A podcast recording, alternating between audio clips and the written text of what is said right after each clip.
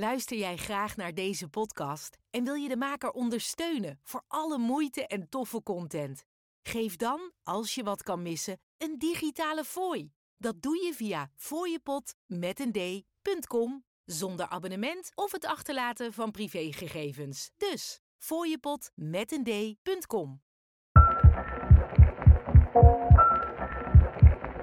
one small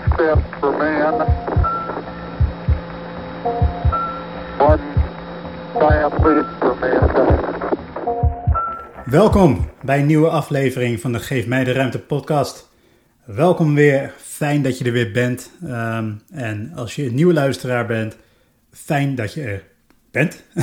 en ehm, ja, stap dan eh, niet hierin, althans blijf even lekker hangen. Maar eh, begin bij het begin, nieuwe luisteraar. En ehm, dan zie ik je vanzelf hier aan het einde weer terug. Want je hebt eh, een hele hoop dingen gemist. Eh, interessante dingen, hoop ik. En over interessante dingen gesproken, daar gaan we het vandaag eh, zeker over hebben. Want we hebben inmiddels zo'n 20 afleveringen uit mijn hoofd achter de rug. En daarin hebben we ongelooflijk bizarre en onvoorstelbare zaken behandeld. Eh, daar zaten echt dingen tussen die soms je wildste fantasieën te boven gaan. Zoals zwarte gaten, zoals tijdreizen. Maar, beste luisteraar, ik stel je nu deze vraag. Wat nu als dat alles allemaal compleet zinloos is? Hm? Wat nu als dit soort fenomenen alleen maar voor ons gecreëerd zijn om ons het idee te geven dat wij leven? Om ons in de illusie te laten dat we echt bestaan en dat we de wereld om ons heen kunnen maken en beïnvloeden. Kortom, de vraag van vandaag, van deze aflevering: wat nu als we in een simulatie leven? Wat mij betreft is er echt geen idee mogelijk dat vreemder en angstaanjagender is dan het idee dat we in een simulatie leven. Want zelfs zwarte gaten en tijdreizen, zelfs dat verbleekt hierbij. Wat mij betreft in elk geval. Waarom? Nou, in een simulatie is immers alles mogelijk. Dus hoe bizar iets ook kan zijn, het zit in een simulatie. Hè? En in een simulatie is alles mogelijk. Ervan uitgaande dat wij in een simulatie leven of zouden kunnen leven. Als je mijn persoonlijke sentiment vraagt, ehm, ja goed, eh, wie vaker afleveringen luistert, die, die kent mij een beetje hoe ik in dit soort dingen sta. Ehm, ja, ik geloof persoonlijk niet in de simulatietheorie. Ik denk niet dat dat aan de orde is. Ik denk niet dat dat besproken zou hoeven te worden. Maar dat moet het wel.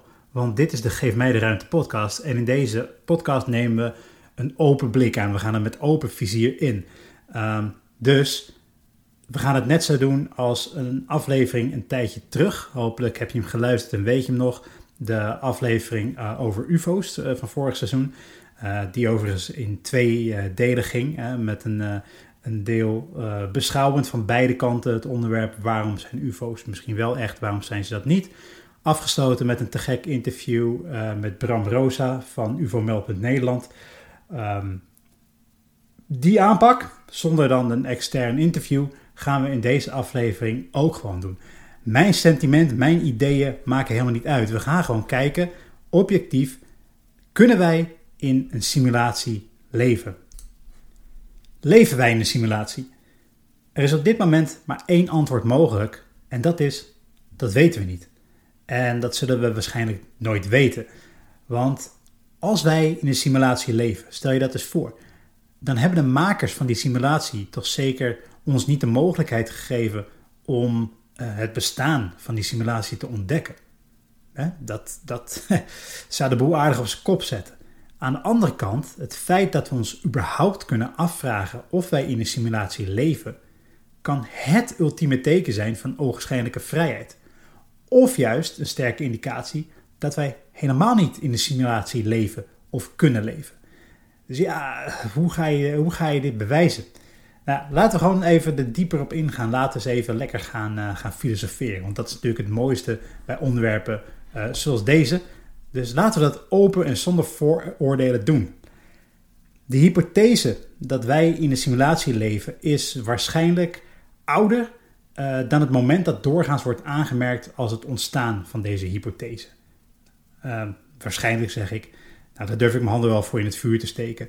Want um, de hypothese uh, van een mogelijke simulatie werd uh, voor het eerst officieel in 2003 ter sprake gebracht. Maar voor die tijd zullen er natuurlijk ook mensen geweest zijn die zich hebben afgevraagd: leven wij in een simulatie? Is het leven echt? Alleen, ja, uh, het is toen nog nooit op een officiële, mm, nou ja, laten we zeggen, quasi-wetenschappelijke manier uitgesproken. Tot in 2003 dus. In 2003 publiceerde de Zweedse filosoof Nick Bostrom uh, over zijn simulatiehypothese. En die hypothese heeft in de loop der tijd heel veel aanhangers gekregen. Aanhangers die hebben verschillende redenen waarom ze in die hypothese geloven. Sommige mensen die zijn van mening dat uh, een complexe wereld als die van ons, dat dat wel een simulatie moet zijn. Andere mensen die koppelen de overtuiging misschien weer aan religie. Of uh, andere mensen houden hieraan vast uit angst. Of misschien wel uh, uh, juist het tegenovergestelde van angst. Hè? Uit een, om een soort comfortabel gevoel te hebben. Want um, hoe vreemd en bizar en haast onbegrijpelijk een simulatie ook klinkt. Ergens biedt dat je ook weer een stuk, ja, stuk comfort, een stukje houvast van ja, het is een simulatie, het is allemaal niet echt. Uh, en misschien zijn er allemaal mensen die het een heel spannend en heel tof idee vinden. Uh, het idee dat wij in een simulatie zouden kunnen leven. Maar hoe het ook zij, de gedachte dat alles wat wij kennen onderdeel zou kunnen zijn van de simulatie, is natuurlijk niet zomaar ontstaan. Uh, het zou te makkelijk zijn om die hypothese af te doen als gewoon uh, een spannende gedachte, uh, iets om over te speculeren of om, uh, om een bepaalde sensatie te maken. Het is iets waar echt wel bepaalde gedachten achter zitten. Maar wat zijn die gedachten en hypothesen dan? Nou, laten we eens even kijken naar de meest voorkomende. En laten we dan beginnen met de argumentatie van Nick Bostrom, de hele aanzwengelaar van deze hypothese. Hij heeft daar echt wel over nagedacht. Bostrom die stelt dat um, één van de volgende drie scenario's waar moet zijn. Scenario 1. Bijna alle beschavingen met ons niveau van technologische ontwikkeling gaan ten onder voordat ze de mogelijkheid hebben om vooroudersimulaties te creëren. dat zijn dan simulaties die zo geavanceerd zijn dat ze de ervaring van hun voorouders kunnen repliceren. Dat is één. Um, tweede scenario dat hij voorstelt. Beschavingen die dit niveau van technologie bereiken, als ze daar eenmaal zijn, die zijn niet geïnteresseerd in het creëren van dergelijke simulaties. Of scenario 3, we leven hoogstwaarschijnlijk in een simulatie. Als we aannemen dat geavanceerde beschavingen dan geïnteresseerd zouden zijn in het creëren van vooroudersimulaties. En zijn aanname is dus uh, in, deze derde, in dit derde scenario een beschaving raakt zo geavanceerd, maar gaat daar niet zelf aan ten onder. En ze hebben interesse om zo'n simulatie te creëren. Nou, dan zegt Bostrom, dan is de kans groot dat wij in zo'n simulatie leven. Uh, ja, om dat even wat tastbaarder te maken en toe te passen op de mensheid. Als we ervan uitgaan dat we in een simulatie leven, dan is dit iets dat volgens de filosofie van Bostrom helemaal niet gecreëerd is door een andere entiteit of technologie. De mens heeft dit zelf gedaan. Ja, waarom? Uh, omdat de mens ergens in het verleden al zijn eigen ondergang op zag doemen. En daarom een simulatie heeft gecreëerd waarin we kunnen voortleven. Het is natuurlijk een heel mooi, heel uh, haast altruïstisch idee, maar ook een ontzettend angstaanjagend idee. Uh, want dit is dan een simulatie waarin we in zekere zin ons eigen voortbestaan hebben gegarandeerd. Al leven wij dus misschien niet echt meer in deze hypothese. Dus de beschaving die de simulatie heeft gebouwd, waar wij in leven, die wij in wezen zijn, die is niet meer, maar de simulatie leeft voort. Nou, wat maakt dit idee dan eventueel sterk? Um, nou ja, je zou kunnen zeggen dat als er sprake is van een simulatie, als je dat idee eventjes omarmt dat dat zou kunnen, dan is het best aannemelijk dat het op deze manier is gebeurd. Eigenlijk is dat dan het meest realistische scenario, omdat uh, dit scenario is gebaseerd op ervaringen van een daadwerkelijke menselijke uh, beschaving. Alles wat we ons herinneren is dan misschien ooit zo echt gebeurd. En het leven is doorgegaan zoals het was. maar dan in een simulatie zonder dat wij dit weten. Ehm, dat kan een goede verklaring geven waarom ons gesimuleerde leven dan is zoals het is. Het, het blijft bij de realiteit. Uh, het leven, de beschaving, wordt voortgezet vanaf een punt dat door de maker, hè, de, onze echte beschaving, zeg maar, is bepaald. Uh, en is, is daar onmerkbaar doorgegaan, terwijl buiten de simulatie waarschijnlijk de wereldwijde pleuris uitbrak, om het zo maar even te zeggen. Ja, maar wat is dan een mogelijk zwak punt van deze hypothese? Nou, misschien is het best wel logisch om je af te vragen dat als er ooit een beschaving was die zo geavanceerd was dat hij deze simulatie kon bouwen, waarom is het hen dan niet gelukt om echt te overleven? Ik bedoel, als je zo geavanceerd bent om een schijnuniversum te creëren, wat zo groot is en zo complex is, waarin zulke bizarre dingen gebeuren en zulke geavanceerde beschavingen als die van ons leven, dan, nou ja, leven, technisch gezien leven we dan niet, maar dan had je toch ook wel een oplossing kunnen vinden om je eigen echte voortbestaan veilig te stellen.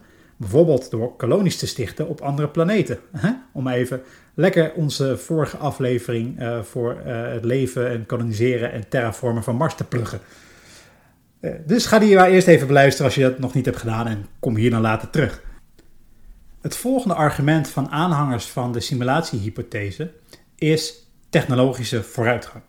De snelle vooruitgang in computer- en informatietechnologie die heeft op een bepaald punt geleid tot steeds geavanceerdere en realistische virtuele werelden en simulaties. En ja, dit heeft sommige mensen, en dan heb ik het over de mensen nu, hè, al dan niet in onze simulatie, ertoe gebracht om te geloven dat het gewoon een, slechts een kwestie van tijd was voordat we simulaties kunnen creëren die, zich, die eigenlijk niet te onderscheiden zijn van de werkelijkheid. En dat wij dus mogelijk nu al in zo'n simulatie leven. Dat is interessant. Een logische vraag die dan meteen rijst is: wat is er gebeurd met de wereld waarin de simulatie is gecreëerd? De echte wereld dus. Is het zo dat wij mensen een simulatie voor onszelf hebben gecreëerd en dat er daarnaast nog een echte fysieke wereld bestaat? En in hoeverre vertoont die wereld dan nog overeenkomsten met onze simulatie? Is de mensheid daarin verder gegaan en is de aarde gelijk gebleven of verslechterd of verbeterd? Of en nu komen we op, op zeg maar, weer wat, uh, wat, wat ja, meer onverkend terrein, zeg maar. Uh, is de simulatie dan helemaal niet door mensen gecreëerd, maar door machines? En leven wij dan in een soort matrix-achtige schijnwereld? Zijn in de echte wereld dan nu de machines en de kunstmatige intelligentie die mensen tot slaven hebben gemaakt of misschien wel hebben uitgeroeid? ontzettend, ontzettend wilde fantasieën natuurlijk. Uh, nou ja, fantasieën, zo moet ik het misschien niet direct bestempelen, maar hypothese. Um, maar ja, je, ik vind in deze context, we moeten ze behandelen omdat ik heb gezegd, we gaan vrij en open en groots denken en straks ook natuurlijk kritischer denken. maar voor nu in dit stadium, um, dit zijn wel scenario's die theoretisch zouden kunnen voortvloeien uit uh, uh, een enorme technologische vooruitgang. Als je kijkt naar de duizelingwekkende vooruitgang die technologie in slechts enkele tientallen, uh, tientallen jaren heeft geboekt, ja, dan is dit misschien helemaal niet zo'n onrealistisch scenario. Alleen, ja, als je dit denkt, stel nou je bent echt een, een aanhanger van deze hypothese en uh, je hebt de overtuiging dat het, uh, dat het techniek, technologieën, dus AI en robots zijn die dit hebben gecreëerd. En dan kom je misschien toch wel een beetje in de knoop. Um, want als wij om deze reden in de simulatie leven, dan betekent dit dat technologie in het verleden van de mensheid al veel verder was dan op dit punt in onze, in dit scenario, gesimuleerde beschaving. Wat? Ja, nee, denk daar even goed over na. Wij leven in onze beschaving nu op ons huidige technologische punt. Um, als we terugkijken, zien we de hele menselijke geschiedenis en weten we waar we stonden. Maar ergens in die geschiedenis is er dus technologie geweest die voor ons een simulatie heeft kunnen creëren. Wanneer was dat dan? Was dit 100 jaar geleden?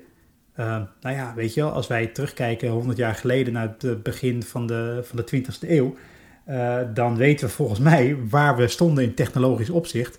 En konden we absoluut geen simulatie creëren. Of is dat beeld ons nu ingeprint? Was de realiteit anders? Maar hoe ver loopt die simulatie dan terug? Zie je, als je hierover gaat nadenken, dan vind je geen antwoord. Uh, hoe zit het dan met, met, met, de, met de bronstijd, met de prehistorie? Uh, ergens moet dan in, die, uh, in dat verleden, moet er in werkelijkheid een punt zijn geweest, hè, in realiteit, waarop technologie al zoveel verder was dan dat die nu is, dat er een simulatie gebouwd kon worden. Denk daar even over na. ik moet zeggen, dit is trouwens wel echt um, de, de meest ver van mijn bed uh, aflevering die ik tot nu toe heb gedaan hoor. Want wat ik zei, we hebben echt al wel bizarre dingen. Uh, nou ja, uh, zoals het in het Engelse mooi zeggen, we scratch the surface. We hebben gekke fenomenen besproken. Maar nu zit het toch wel echt op een niveau dat ik denk van wow, wow, hou je kop erbij, want dit wordt wel heel vreemd. Maar goed, nogmaals, dat is de hele doelstelling van deze aflevering. En als je niets vindt, dan wacht je een maandje, dan is er weer een nieuwe. Maar ik hoop dat je lekker blijft hangen, want we gaan door, we gaan door, we stoppen niet. Het idee van de wereld als simulatie is waarschijnlijk al heel oud. In deze moderne tijden betrekken wij technologie erbij, zoals we net al even hebben gedaan. Maar voordat de technologie was, vroegen zich mensen waarschijnlijk ook af of alles wat we zien en ervaren echt is. Sterker nog, ik durf mijn hand er echt wel voor in het vuur te steken dat mensen in de oudheid zichzelf deze vraag nog vaker stelden dan nu. Misschien op een, nou ja, misschien zeker weten op een heel andere manier, want zij hadden natuurlijk nog niet de kennis om überhaupt te denken in termen van simulaties. Maar wat eigenlijk altijd opgaat, hoe minder je weet van iets, hoe meer je gaat zoeken naar verklaringen die je wat rust brengen. Kijk maar naar wat mijn favoriete mensen, de flat earthers. Ze begrijpen niet waarom de aarde rond is. En begrijpen ook niet waarom de aarde wel rond moet zijn. En wat mensen niet begrijpen, daar zijn ze vaak bang voor of zeggen ze, zetten ze zich tegen af. En dus kan de aarde niet rond zijn. Hij moet plat zijn, want dat is wat ik zie. Nou, vroeger waren mensen op heel veel gebieden flat earthers. Simpelweg omdat ze in de wereld om hen heen gewoon te veel tegenkwamen dat ze niet konden bevatten. En wat doe je dan? Dan wend je je natuurlijk tot oplossingen die passen bij je gevoel. En of dat nu geesten waren, of goden, of misschien de overtuiging dat de wereld om je heen helemaal niet echt was. Aan de andere kant, welke redenen hadden mensen in de oudheid nu echt om te vermoeden dat zij misschien niet echt bestonden? Is dat niet iets van onze tijd? Was dat toen niet veel te filosofisch voor hun toenmalige beschaving? Immers, hoe meer je weet, hoe meer vragen je ook kunt gaan stellen. Ja, op een heel andere manier. Uh, ja, ignorance is bliss. Onwetendheid uh, roept natuurlijk vragen op, omdat ja, dingen die je tegenkomt begrijp je niet. Aan de andere kant, als je uh, ook nog een hele, eigenlijk simpele, basale kennis hebt van alles om je heen, voel je misschien helemaal niet die prikkel om die vragen te gaan stellen, die je wel gaat stellen naarmate je meer weet. Want als je meer weet en je gaat jezelf slimmer en completer voelen en je komt dan nog dingen tegen die je niet kunt verklaren, dan kun je helemaal doordraaien. Waarbij ik niet wil zeggen dat dat is wat we aan het doen zijn. Um, maar goed, dat is natuurlijk wel een beetje hoe het uh, kan werken. Maar goed, misschien zit ik er helemaal naast. Uh, laten we even weer even netjes op de rails uh, gaan. Er is namelijk een filosofische overtuiging, het solipsisme, die stelt dat het onmogelijk is om met zekerheid te weten of de wereld om ons heen echt is of slechts een illusie of een droom. Lekker dan. Hè? Je kunt altijd vertrouwen op de filosofie voor meer duidelijkheid. Uh, de simulatiehypothese is een moderne variant van dit idee. Uh, eigenlijk stelt deze hypothese dat het mogelijk is dat de werkelijkheid zoals wij die kennen slechts een geavanceerde simulatie is. Ja, wat kan je daarop zeggen? Je, zoals de stelling het al zegt, je kunt het niet bewijzen, je kunt het niet ontkrachten. Maar wat ik hier wel eventjes uh, wil opmerken is dat het echt niet zo is dat aanhangers van de simulatiehypothese per definitie er 100% van overtuigd zijn dat wij in een simulatie leven. Nee, zij denken hè, over het algemeen gewoon na over is het mogelijk. En waarom zou het mogelijk zijn? Maar oké, tot zover enkele redenen om niet uit te sluiten dat wij in een simulatie zouden kunnen leven. Maar laten we eens even overstappen naar de andere kant. En trouwens, luisteraar, als je er nu nog bent, uh, chapeau. Uh, we went down the rabbit hole. Uh, it got weird. dus als je dit allemaal hebt beluisterd, vind ik je een topper. Als je daarover hebt nagedacht en meegedacht, vind ik je helemaal een kampioen. blijf vooral meedenken, weet je Stuur me mailtjes, hit me up on Insta. denk met me mee, filosofeer met me mee. Corrigeer me, wijd verder uit. Geef nieuwe invalshoeken en perspectieven. I love it. Weet je, samen maken we er nog iets mooiers van. Uh, maar het is even tijd om, om even uit de, uit de wolken terug te komen en te landen. We kunnen niet bewijzen dat we in een simulatie leven. Maar kunnen we dit dan wel uitsluiten? Nee, ook dat kan niet. Maar uh, net zoals er argumenten zijn die pogen om aannemelijk te maken dat we in een simulatie leven of zouden kunnen leven, zijn er ook argumenten aan te dragen die het zeer onwaarschijnlijk maken dat een dergelijke simula simulatie bestaat of überhaupt kan bestaan. Laten we daar ook eens naar kijken, naar die kant. Hè? Uh, is wel zo eerlijk. Um, en zoals ik net probeerde om bij argumenten voor het bestaan van een simulatie een kritische noot te plaatsen, zal ik dat ook proberen bij de argumenten tegen het bestaan van een simulatie. Waarom is het aannemelijk dat er geen simulatie bestaat? Als eerste wenden we ons wederom tot de filosofie. Meer specifiek een uh, filosofisch principe genaamd Occam's scheermes. Dit principe stelt dat de eenvoudigste verklaring meestal de juiste is. I love it. Heerlijk, weet je. Het leven wordt simpel en behapbaar uh, als je op deze manier ernaar kijkt. En dat is dus vaak ook gewoon zo. Dat wij leven in een fysieke realiteit is van onze eigen waarneming uh, gewoon een veel eenvoudigere en plausibelere, uh, plausibelere, even plausibelere, ja, klappen, net als vroeger op school, uh, verklaring dan dat dit een simulatie zou zijn. Zeker. Maar volgens dit principe schuilt daarin juist de kracht, is juist die eenvoudigste verklaring meestal de juiste. Ja, meestal, maar dus niet altijd. Uh, en je hoeft niet lang na te denken om voorbeelden te vinden waarin dit principe niet opgaat. Denk aan iemand die last heeft van een loopneus. De eenvoudigste verklaring, een verkoudheid. Maar het kan ook COVID zijn. Hm? Waarschijnlijkheid staat niet gelijk aan zekerheid. Dus dat is de kritische noot bij uh, dit, dit mooie uh, filosofische principe, Occam's scheermes. Ja, de eenvoudigste verklaring is meestal de juiste, maar dus niet altijd. Meer praktische bezwaren tegen zo'n simulatie zijn er natuurlijk ook. Zo zouden zelfs de knapste koppen ter wereld met alle beschikbare technologie kunstmatige intelligentie en rekenkracht het nooit, maar dan ook nooit voor elkaar krijgen om zo'n simulatie te maken. Met de huidige stand van zaken is dit simpelweg niet mogelijk. Hoe kunnen we dan in zo'n simulatie leven? Nou tegenstanders van de simulatiehypothese die knikken nu waarschijnlijk instemmend. Die zeggen, joh, dat kunnen we helemaal niet. Maar als je kritisch bent, zou je kunnen zeggen dat wij, als wij in een simulatie leven, uh, helemaal die technologie niet hoeven te hebben. Bijvoorbeeld omdat we deze simulatie niet zelf hebben gemaakt, maar dat we dus leven in de simulatie van een andere levensvorm of een ander soort intelligentie. Of dat de simulatie wel gewoon is gemaakt door onze menselijke beschaving, maar dat wij bewust leven in een simulatie die zo is gemaakt dat wij geen weet hebben van de technologie die erachter schuilt. Dat dus de, wat ik net al even aanstipte, dat dus de tijdlijn van menselijke ontwikkeling die wij kennen, uh, niet helemaal waar is. Dat informatie voor ons wordt achtergehouden, die dus, uh, uh, dat wij dus niet weten dat er een punt is geweest in de geschiedenis waarop mensen technologisch veel geavanceerder waren dan dat wij nu weten. Maar goed, laten we even aan de kant blijven die stelling neemt tegen de simulatiehypothese. Dat is wat we nu aan het doen zijn. Want een goede vraag die je zou kunnen stellen is: waarom? Ja, dan zou je kunnen zeggen, omdat het kan. Hè, of kennelijk omdat iemand het kan. Maar denk even verder. Wat is de motivatie van wie dan ook om zo'n simulatie te bouwen? En wat zijn de voordelen hiervan? Uh, je zou dus hè, kunnen zeggen, ja, zo'n simulatie wordt gebouwd omdat iemand dat kan. Maar kijk eens naar de factor tijd.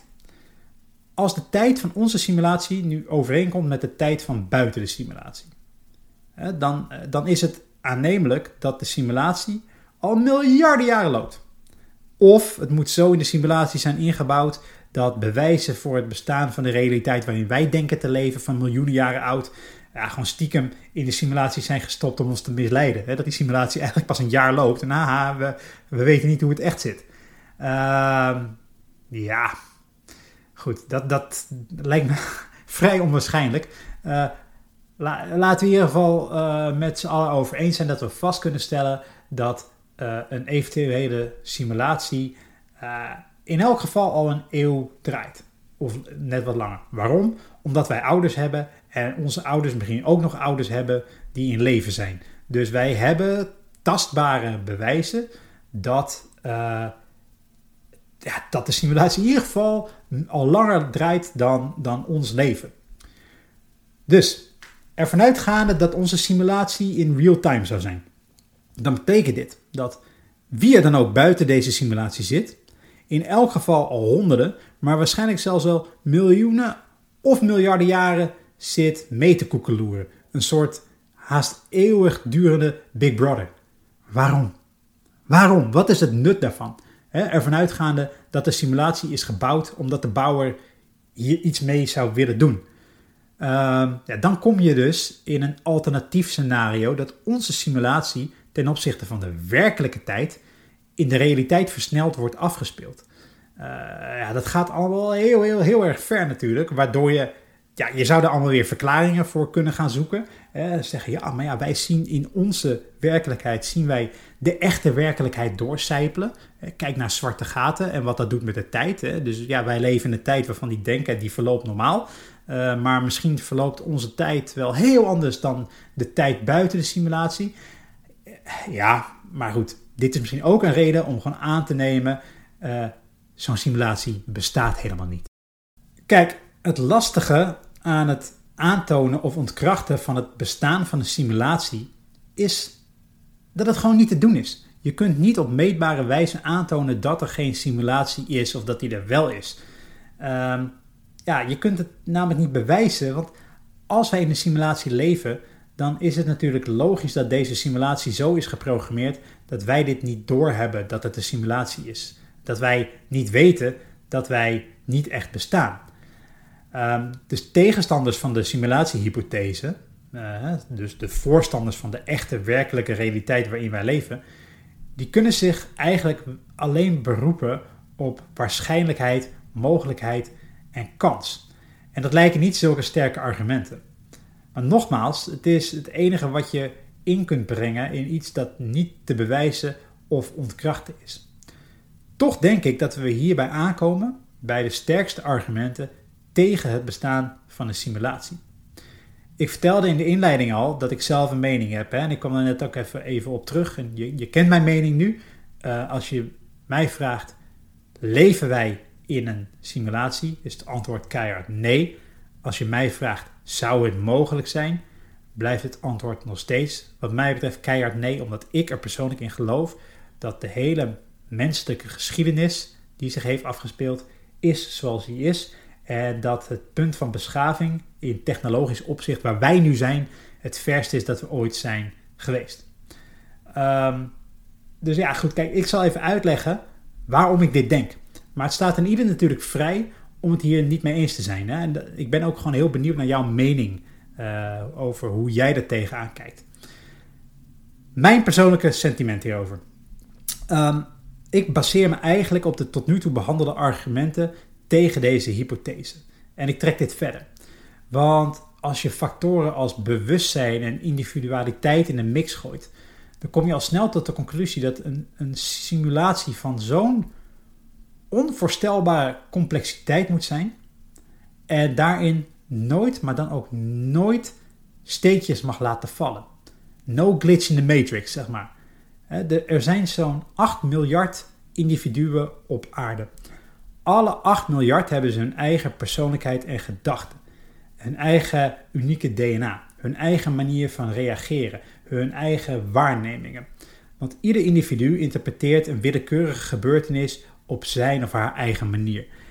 En alleen al die onmetelijke hoeveelheid details in alles om ons heen. En de consistentie van inconsistentie. De, de constante aanwezigheid van chaos en willekeur. Het is gewoon too much. Ik geloof niet dat welke simulatie dan ook simpelweg met zoveel details rekening kan houden. Laat staan deze uit te voeren zonder dat er sprake is van fouten die ons eigen bestaan in twijfel doen trekken. Ja, dit klinkt allemaal erg abstract, dat snap ik. Maar hoe ik het tegenaan kijk is: wij mensen beschikken over het vermogen om een, een, eigenlijk een onbehapbaar, ondefinieerbaar aantal details ehm, eh, eh, zeg maar, te, te, te zien, te ervaren, waar te nemen. Dat zouden in een simulatie allemaal details zijn die 24/7 overal op aarde altijd worden gegenereerd voor ons, hè, als het een simulatie is. Als wij nou hele simpele wezens waren, dan voor eencellige organismen.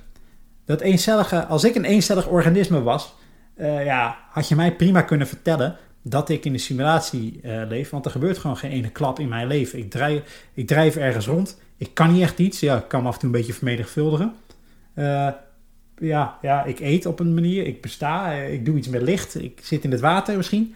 That's it. Maar mensen, met alles wat wij meemaken in ons leven en met alles wat wij in een uur tijd aan impulsen te verwerken krijgen, ah, ik geloof gewoon niet dat dat een simulatie kan zijn. Denk eens na over willekeur, maar ook over causaliteit. Sta eens stil bij de belachelijke complexiteit van elke situatie die zich waar dan ook, wanneer dan ook voordoet. Uh, en de in mijn ogen onmogelijkheid om causale verbanden zo ver en zo lang door te laten werken. Wat ik eigenlijk wil zeggen is, ik ben ervan overtuigd dat welke simulatie dan ook gewoon tekort schiet om te laten gebeuren wat wij kunnen ervaren. Per definitie. Het feit dat ik de vrijheid heb om überhaupt de hele simulatiehypothese in twijfel te trekken, vind ik al een duidelijk teken dat er helemaal geen simulatie is. ga, ga even mee in mijn gedachten. We gaan even een, ik ga even een, een, een plaatje proberen te schetsen. Ehm, heb je een kat bijvoorbeeld? ik zit er hier eentje naast me die zich keurig stilhoudt trouwens deze aflevering. Uh, die kat is flink in het zonnige licht. en zie hoe er haren uit de vacht vallen en door de lucht heen dwarrelen. En kijk eens waar die haren terechtkomen. Blijf vervolgens elk uur terugkomen op die plek en kijk wat er gebeurt met de haren en het stof. Kijk hoe de kleinste details continu veranderen. Zoiets kleins en onzinnigs, gebeurtenissen op microniveau. Kan een simulatie dit of is dat alleen mogelijk in een realiteit waar alles nog veel onbegrensder kan zijn dan in welke simulatie of welk programma ook? Nog een scenario. Een crimineel overvalt de kledingwinkel en die bedreigt het personeel. Hij richt een vuurwapen op de dame achter de kassa. Zij geeft hem het geld. De crimineel maakt zich uit de voeten. En de geschrokken medewerkster die belt de politie. De politie die komt uh, en doet onderzoek. En de vrouw die beschrijft de crimineel. Hij had een witte huid, zwart grijzend haar en dikke wenkbrauwen. En de politie hoort ook een ooggetuige die de man beschrijft. En die man die zegt, die ooggetuige, de man had een witte huid, zwart grijzend haar en een snor. Deze ooggetuige heeft dus een iets andere beschrijving van de overvallen. En het valt de agent trouwens op dat deze ooggetuige een zenuwtrekje heeft, waarbij hij telkens met, uh, met zijn ogen knippert. Op weg naar de uitgang ziet de agent een klein modderspoor van de kassa naar de deur lopen. Hij herkent een duidelijke voetafdruk van een schoen en maakt een foto. Vervolgens laat hij een collega de aarde verzegelen en meenemen naar het bureau voor onderzoek. Eenmaal buiten zegt de andere getuige dat hij een man hard heeft zien wegrennen. De agent die vraagt deze getuige naar de kenmerken van die man. Een getuige die geeft aan dat het allemaal heel erg snel ging, maar dat de overvaller een beetje trok met één been. En dat dit zijn aandacht greep, waardoor je zag dat de man opvallende rode sneakers droeg. En de getuige die blijkt toevallig een enorme sneakerliefhebber te zijn en die weet te vertellen dat het gaat om peperdure, gelimiteerde editie Nike Air Yeezy 2 Red October sneakers. De agent die verspreidt dit signalement via het internet en het, het, interne communicatienetwerk van de politie. Vanuit het bureau wordt besloten om camerabeelden uit de omgeving op te gaan vragen. Een paar dagen later zijn alle beelden bekeken. Is een man die voldoet aan het signalement en die is op meerdere camera's vastgelegd. Hij is voor het laatst gezien terwijl hij een café inliep. Een rechercheur die bezoekt het café. En de eigenaar geeft aan dat hij camera's heeft hangen, maar dat deze al enkele weken niet meer werken. De rechercheur heeft wel foto's van de verdachte mee. Na het zien van de foto's geeft de eigenaar van het café aan dat hij de man herkent aan zijn opvallende rode schoenen. Hij weet zich ook nog te herinneren dat hij twee biertjes bestelde en vervolgens een Uber liet komen, waarschijnlijk om hem naar huis te brengen. De rechercheur vraagt aan de café-eigenaar of hij nog weet hoe laat dat was. Het moet volgens de eigenaar ergens tussen de drie uur en kwart over drie smiddags zijn geweest. De rechercheur weet uh, met toestemming van justitie bij Uber te achterhalen welke chauffeurs tussen 2 uur en 4 uur smiddags een klant hebben opgepikt bij een café in deze specifieke straat. Slechts twee chauffeurs melden zich. De ene herinnert zich een klant die voldoet aan de beschrijving. Wederom met toestemming van justitie krijgt de rechercheur de beschikking over de ritgegevens, uh, waaruit een adres blijkt waar de klant is afgezet. Uit onderzoek komt de naam naar voren en verder onderzoek wijst op een man die voldoet aan het signalement van de verdachte. Inmiddels zijn ook de resultaten van het onderzoek van de modderige voetafdruk binnen. De aarde blijkt een zeer hoge concentratie onkruidverdelger te bevatten. Nou, er wordt besloten om op een woensdagochtend om 7 uur een inval te doen bij de woning van de verdachte. De verdachte doet zelf niets vermoedend open en wordt gearresteerd en meegevoerd naar het bureau voor verhoor. De politie vindt al snel de rode sneakers in zijn gang en er wordt een monster afgenomen van de zolen van de sneakers en uit de tuin van de verdachte. Beide monsters blijken overeen te komen met de eerder gevonden aarde in de winkel. En in de schuur in de achtertuin vindt de politie een grote voorraad Roundup onkruidverdelger. Ben je nog? Waarom vertel ik in godsnaam dit onzinverhaal? Omdat ik door en door en door kan gaan. Maar mijn punt is hier denk ik duidelijk. Ik ben ervan overtuigd, hè, hoewel het dus niet te bewijzen is, dat er geen enkele simulatie kan zijn die zulke specifieke gebeurtenissen en details kan genereren over de hele wereld op elk moment in oneindig verschillende vormen. En niet alleen omdat ik denk dat technologie nooit zou kunnen zorgen voor realiteit in al zijn aspecten, maar ook omdat een simulatie input nodig heeft. Elke simulatie heeft kaders. Zijn die kaders er niet, dan krijg je wildgroei die niet zou stroken met onze realiteit. En dan zouden er veel meer glitches zijn die ingaan tegen onze natuurwetten. En zijn die kaders er wel, dan zie ik gewoon niet hoe een simulatie zo onwaarschijnlijk geraffineerd kan zorgen voor voldoende details en variaties binnen deze kaders om een wereld voor honderden of duizenden of miljoenen jaren te laten draaien zonder in herhaling te vallen of fouten te maken. En dat dus voor al die 8 miljard mensen op aarde. En wat ik eigenlijk wil zeggen, beste luisteraar, als je mij vraagt, de realiteit is gewoon te bizar, te vindingrijk en veel te complex en te groot om ooit een simulatie te kunnen zijn. Dat is mijn mening. Ik ben onwijs benieuwd naar wat jij vindt. Dus stuur jouw gedachten en reacties naar info.geefmijderuimtepodcast.nl of via Insta, geefmijderuimtepodcast. Voor nu, laten we even uitblazen, rustig ademen en de volgende keer weer terugkeren met hopelijk iets minder hersenkrakers. Thanks for bearing with me en hopelijk vond je het interessant. Graag tot de volgende keer. Luister je graag naar deze podcast?